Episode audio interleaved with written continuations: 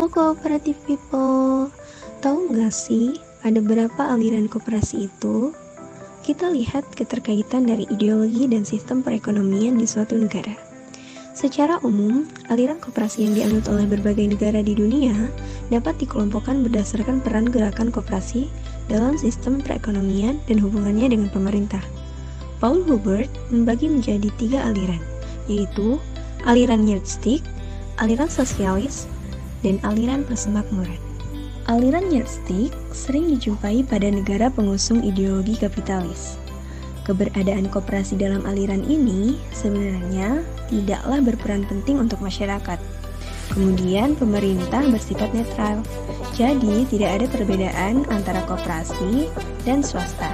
Perkembangan koperasi bisa maju itu hanya ada di tangan anggota koperasi itu sendiri beberapa negara yang menganut aliran yardstick yaitu Amerika Serikat, Prancis, Swedia, Denmark, Jerman, dan Belanda. Aliran sosialis Aliran ini terdapat peran pemerintah dalam pengembangannya.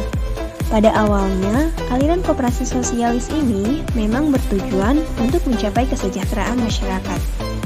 Namun, dalam perkembangannya, koperasi hanya dijadikan sebagai alat pemerintah dalam menjalankan program-programnya. Sehingga, satu hal yang menjadi ciri dari aliran ini, yaitu otonomi koperasi menjadi hilang.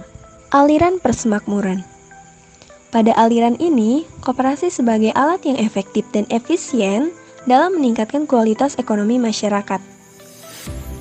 Oleh karena itu, koperasi dianggap sebagai wadah ekonomi rakyat yang berkedudukan strategis dan memegang peranan utama dalam perekonomian masyarakat.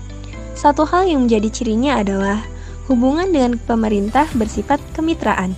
Jadi, bisa dikatakan dalam aliran ini pemerintah masih ikut andil dalam menciptakan iklim yang sehat bagi pertumbuhan dan perkembangan koperasi yang ada.